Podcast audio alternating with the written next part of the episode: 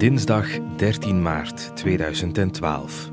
Leerlingen van basisschool Stekske in Lommel en Sint-Lambertus in Heverlee keerden terug van sneeuwklasse in Zwitserland. Rond 9 uur s avonds verongelukte de bus in een tunnel ter hoogte van de stad Sierre. De tol is bijzonder zwaar. 22 kinderen en 6 volwassenen komen om. Vlaanderen wordt de volgende ochtend wakker met het vreselijke nieuws. En zo'n nieuws brengen, dat maakte ook op ons een diepe indruk. Ik ben Kirsten Simons en deed mijn allereerste shift als eindredacteur voor Radio 2 Vlaams-Brabant. En ik ben Daan Masset en presenteerde ook toen het ochtendprogramma bij Radio 2 Limburg. Het hele land was triest. Er volgden drie dagen nationale rouw, vlaggen hingen halfstok en aan de getroffen scholen werden massa's knuffels, tekeningen en bloemen neergelegd. In deze podcast praten we met enkele mensen die het drama van dichtbij meemaakten. Mensen die geraakt zijn, maar die zich ook verbonden voelen. Mensen die het verdriet van Sierre voor altijd meedragen.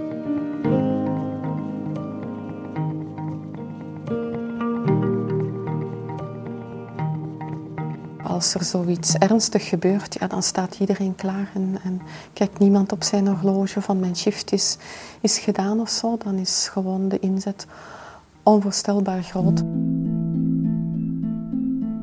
In deze aflevering trek ik naar het UZ Leuven, het gasthuisberg, zoals ze zeggen. Hier heb ik afgesproken met twee professoren die nauw betrokken waren bij de opvang van de gekwetste kinderen na het busongeval. Een van hen is Chris van Geet. Ze was toen diensthoofd kindergeneeskunde. We staan hier in de inkomhal van UZ Leuven. En uh, in 2012 zijn hier 14 kinderen, allen tussen 11 en 12 jaar, vanuit Zwitserland uh, naar dit ziekenhuis gekomen. We hadden een uh, afdeling um, eigenlijk leeggemaakt voor deze kinderen, omdat we het belangrijk vonden dat we alle kinderen samen op één afdeling konden hospitaliseren. Um, en we gaan daar nu naartoe. Hier gaan we uh, rechtdoor. Nu, de kinderen zijn eigenlijk druppelsgewijze binnengekomen. Het uh, busongeval is in, uh, op een dinsdagavond gebeurd.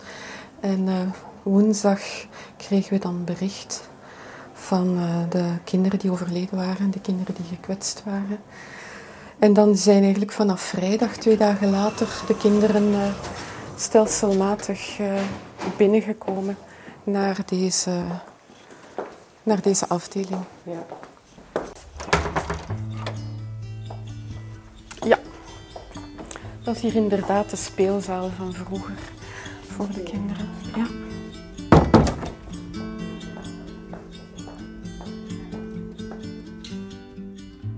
En was dat een bewuste keuze om die allemaal samen Ja, dat was een bewuste keuze, omdat het toch een heel specifieke aanpak vergt. Niet alleen de ernstige traumata die die kinderen hadden, die ernstige lichamelijke letsels, maar ze hadden ook allemaal uh, ja, afschuwelijke dingen meegemaakt. Uh, uh, en ook heel de context was, was zeer bijzonder. Hè. De vriendjes verliezen, een leerkracht, onderwijzer, een begeleider verliezen.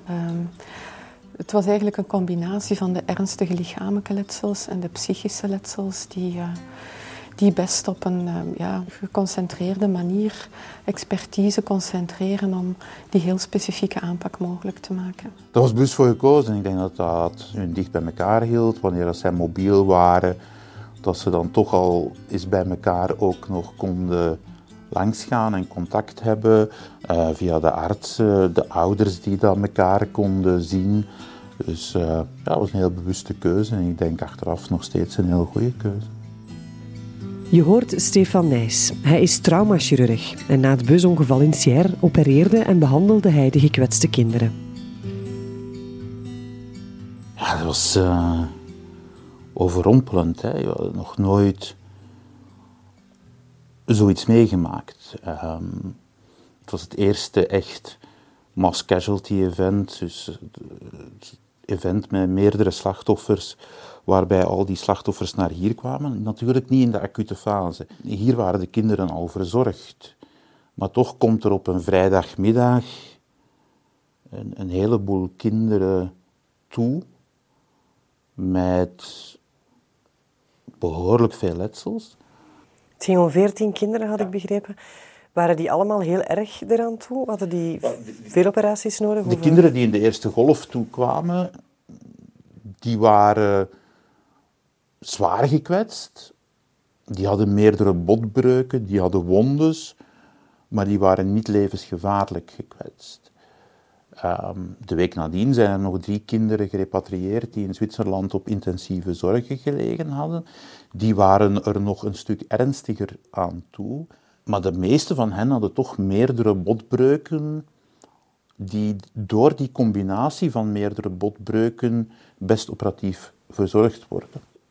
En dan moet je hier die medische machine aan het draaien krijgen om te zorgen dat zij toch de best mogelijke zorgen krijgen. Uh, we stonden dan voor een wachtweekend. Um, er hebben zich um, eigenlijk bijna heel spontaan um, hebben wachtdiensten zich ontdubbeld, ontriedubbeld, uh, om die opvang goed te kunnen doen. op de dienst kindergeneeskunde natuurlijk, ook vanuit de verpleging is er ongelooflijk uh, bijgesprongen, zodat de andere ernstig zieke kinderen die in een universitair kinderziekenhuis liggen en die ook natuurlijk alle zorgen nodig hebben uh, en alle aandacht verdienen, dat die niet moesten onderdoen voor de andere kinderen. We waren met veel meer mensen hier aanwezig dan op een doorsnee uh, weekend. Die eerste drie dagen waren eigenlijk de meest intensieve, dus die vrijdag, zaterdag en zondag na het pisongeval. Maar hier was het echt wel alle hens aan dek.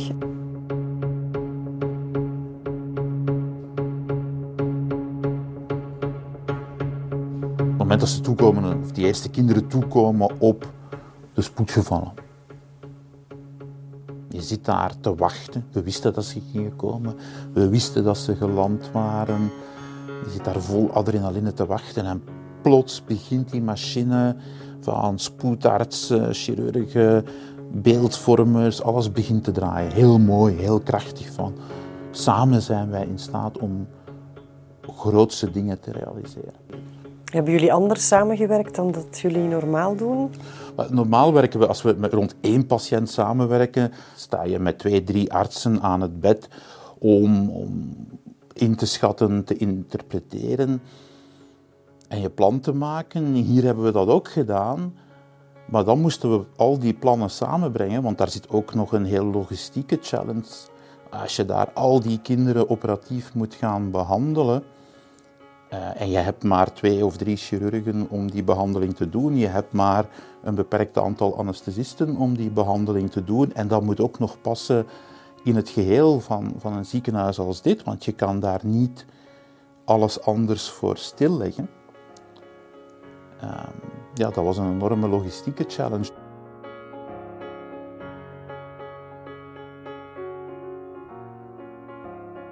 Voor een ziekenhuis is dat natuurlijk uh, heel erg belangrijk dat als er zo'n ramp gebeurt, want ja, je kan dat echt wel een ramp noemen, dat je heel wendbaar bent en dat je door de, ja, de inzet van velen um, toch wel ongelooflijke dingen kan doen. En ja, het bijzongeval heeft dat wel, uh, heeft dat wel getoond.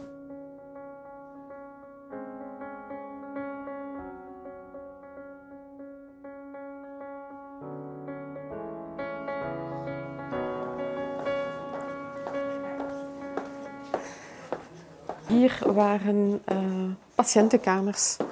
Um, dit waren allemaal uh, afzonderlijke patiëntenkamers. Waar ouders bij hun kind uh, konden bijblijven. Hier was een zaal waar men met verschillende kinderen, met drie kinderen denk ik, kon liggen. Um, en dan ging de afdeling eigenlijk zo verder. De speelzaal hier, waar we nu zitten, is een, een plek waar ze elkaar zagen als ze wat beter waren. Bijvoorbeeld als, uh, als dan de begrafenis er was, na een week was dat ongeveer, hè, waar de, dan hebben sommige kinderen die beter waren, zijn naar de begrafenis gegaan. Uh, als het hier uh, in, in uh, Leuven was. Um, anderen hebben hier samen gekeken op een, op een laptop uh, naar de begrafenis. Want ja, het waren hun, hun vriendjes die overleden zijn. Hè. Dus heel die, um, ja, heel die omkadering was toch wel goed dat dit allemaal samen kon gebeuren. Ja, want wat u nu vertelt van die kinderen die samen naar de begrafenis van hun vriendjes dan, overleden vriendjes moeten kijken, dat lijkt mij afschuwelijk. Dat is afschuwelijk, maar het is nog erger moesten ze dat niet kunnen, dat afscheid niet kunnen doen. En dat is, uh, uh, we weten dat, hè, hoe moeilijk en hoe confronterend het ook is. Hè, dat het uh, toch niet slecht is dat kinderen dat. en er werd niemand gedwongen, hè, evident. Waren kinderen die daar ook geen behoefte aan hadden. Maar op zich is het niet zo slecht om dat, dat afscheid ook te kunnen zien. Hè, ook al waren zij op dat ogenblik niet in staat om naar de begrafenis te gaan.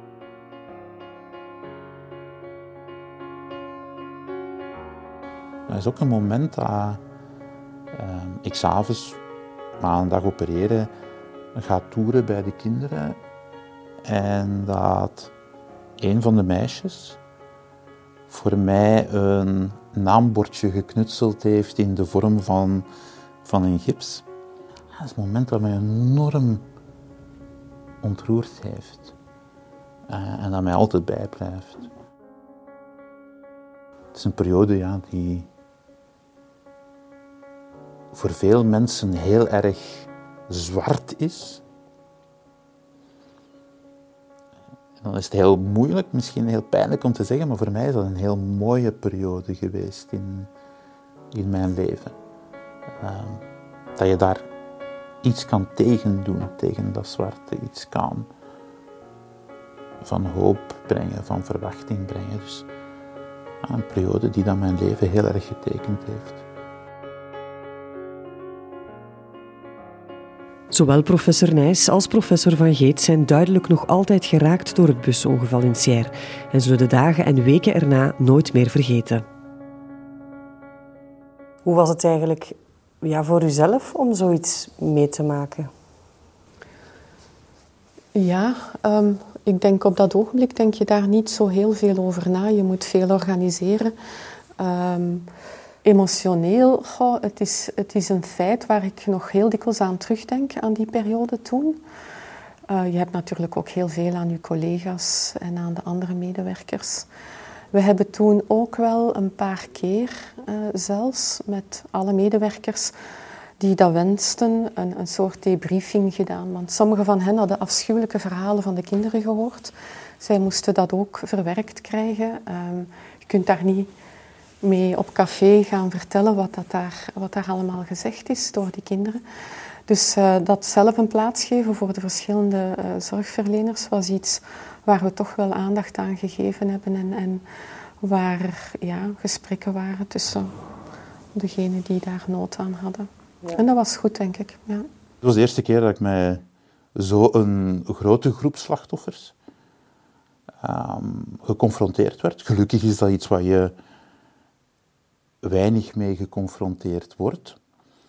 Um, wat dat nog heel specifiek maakt, waren dat kinderen zijn. Um, en de kinderen waren dan ook nog zo oud als mijn zoon Louis.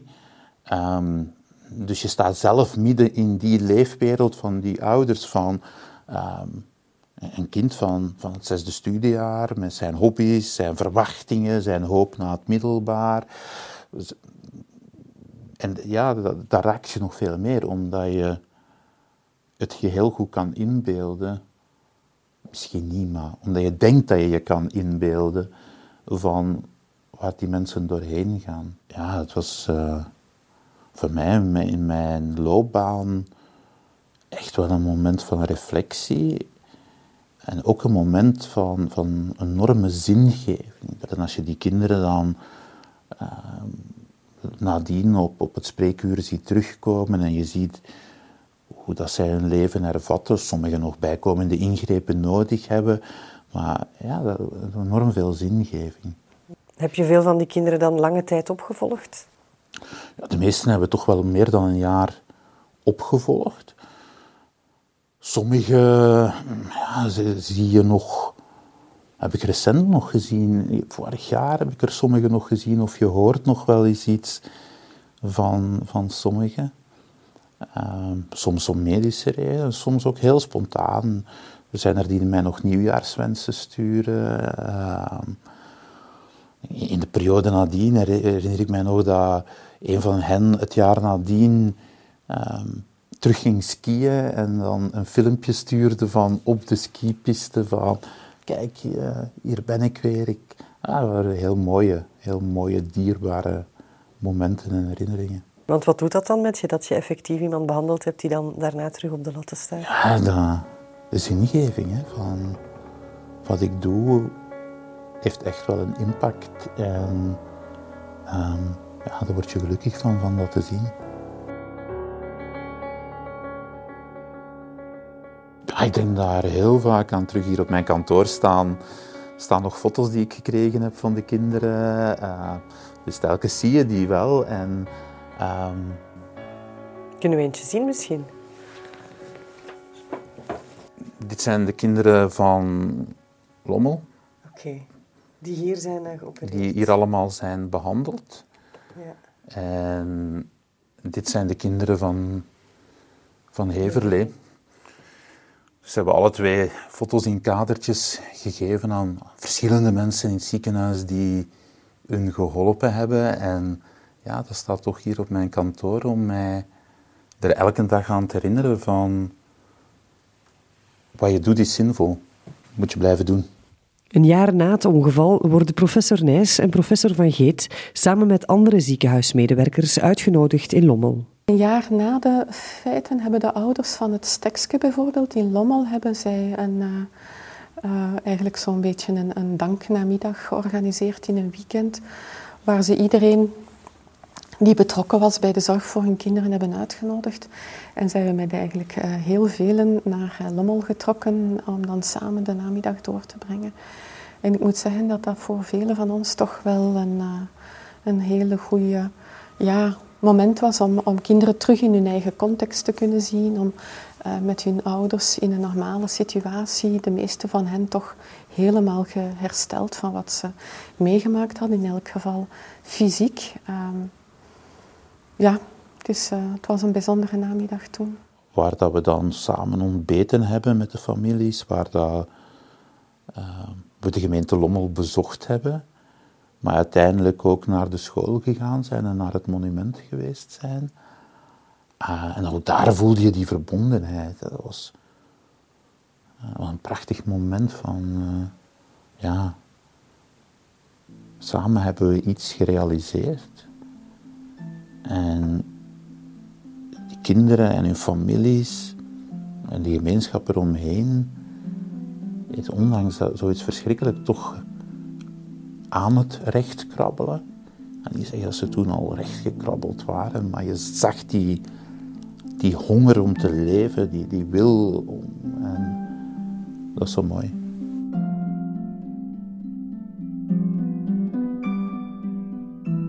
Ik herinner uit mijn eigen jeugd een, een, kindje dat in de klas overleden is in een verkeersongeluk. Dat is al iets dat je heel je leven blijft herinneren in al zijn details.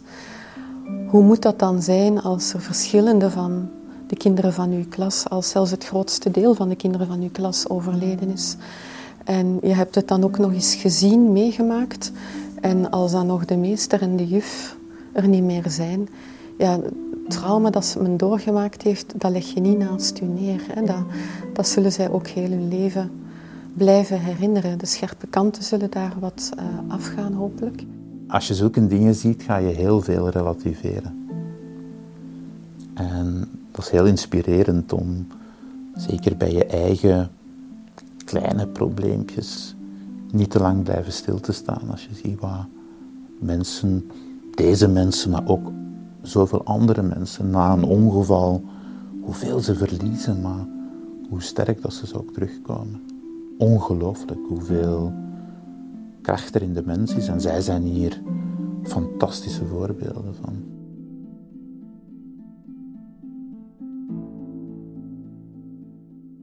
Dit was het verdriet van Sierre met Stefan Nijs en Chris van Geet. Beluister meer getuigenissen via radio2.be of je podcast-app.